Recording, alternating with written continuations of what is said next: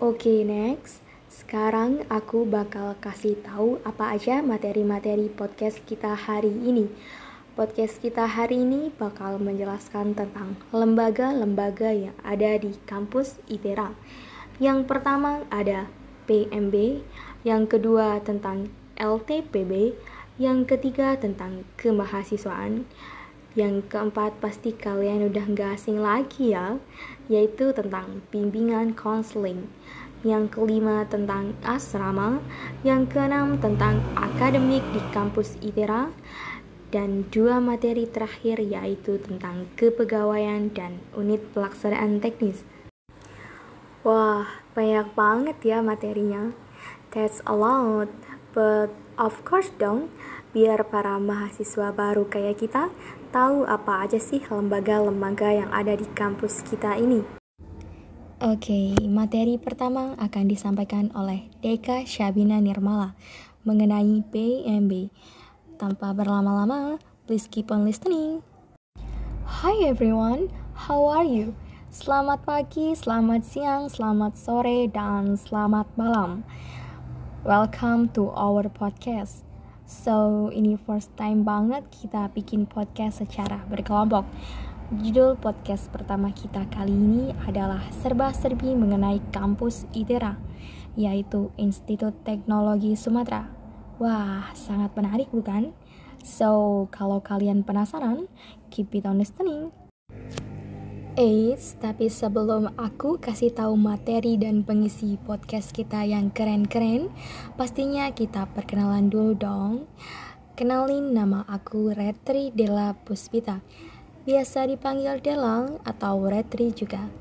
Di sini aku sebagai MC dari kelompok Yare Suara B atau kelompok 114B yang akan menemani kalian dari awal sampai akhir. So, stay tune terus bareng aku ya. Go to know you everyone. Oke, okay, next. Sekarang aku bakalan kasih tahu apa aja sih materi podcast kita hari ini. For your information, podcast kita hari ini bakal menjelaskan tentang lembaga-lembaga yang ada di kampus ITERA. Yang pertama ada PMB, yang kedua ada LTPB, yang ketiga ada tentang kemahasiswaan, yang keempat, pasti kalian udah gak asing ya, yaitu bimbingan konseling. Yang kelima ada tentang asrama. Yang keenam ada tentang akademik kampus ITERA. Dan dua materi terakhir yaitu tentang kepegawaian dan juga unit pelaksanaan teknis. Wah, banyak banget ya materinya. That's a lot. But of course dong, biar para mahasiswa baru seperti kita tahu apa aja sih lembaga-lembaga yang ada di kampus ITERA ini.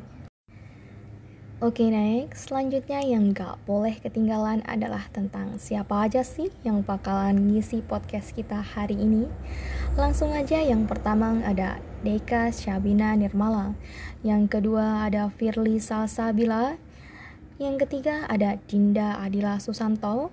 Yang keempat ada Adelia Feni Safira. Yang kelima ada Andre Wulia Anggara. Yang keenam ada Widya Ratnasari. Yang ketujuh ada Sabina Nawastu Sihombing.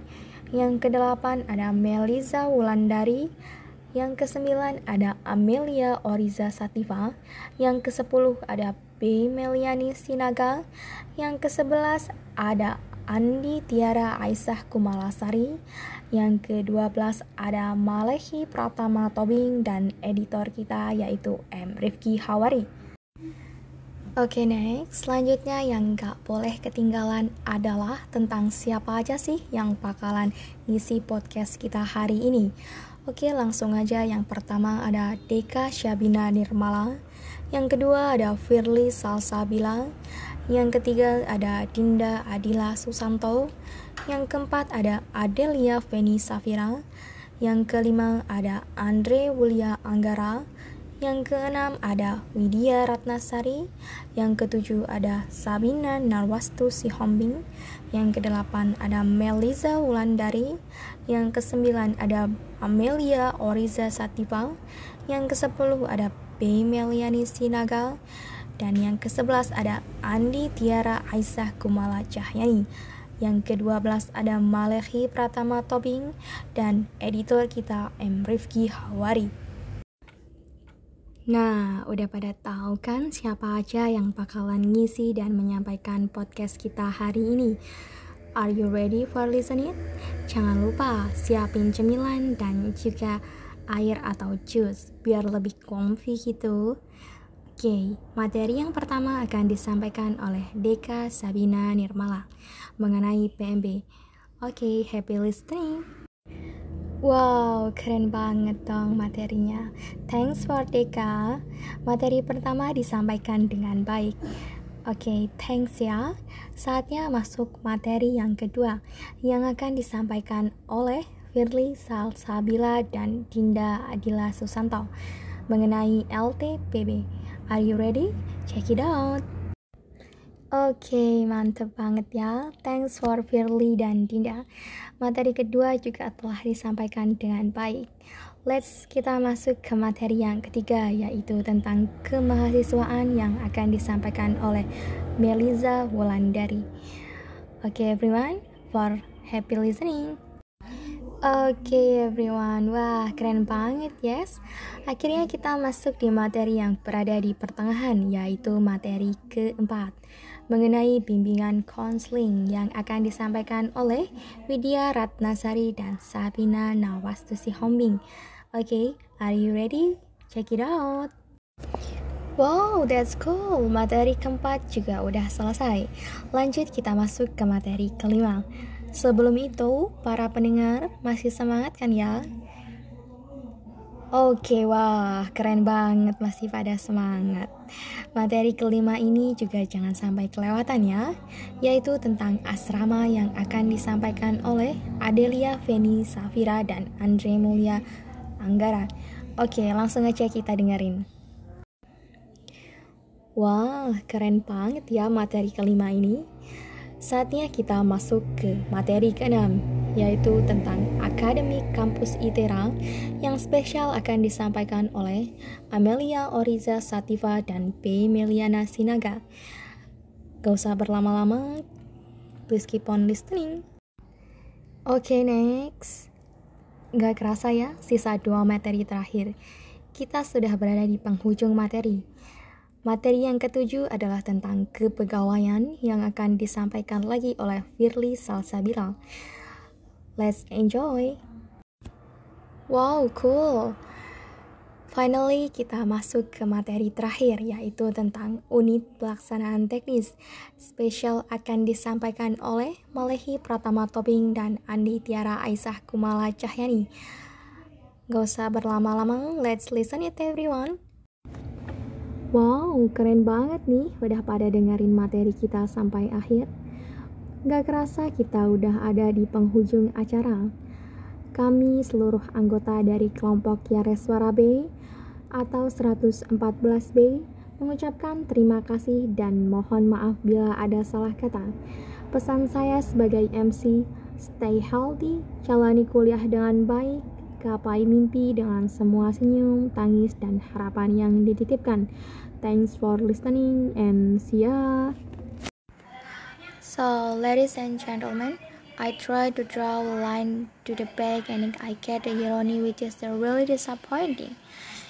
In this very rich country, there are so many students drop out of the school, do not have a uniform, and swim to go to school because of the broken bribes isn't a uh, irony in the mindset of our state set. So, good night everyone. I thank God for giving the health and time to share knowledge on this historic day, the Day of National Education. So, ladies and gentlemen, Indonesia is a big country, inhabited by hundreds of million people, in include islands spread widely. We have been to independence since 45.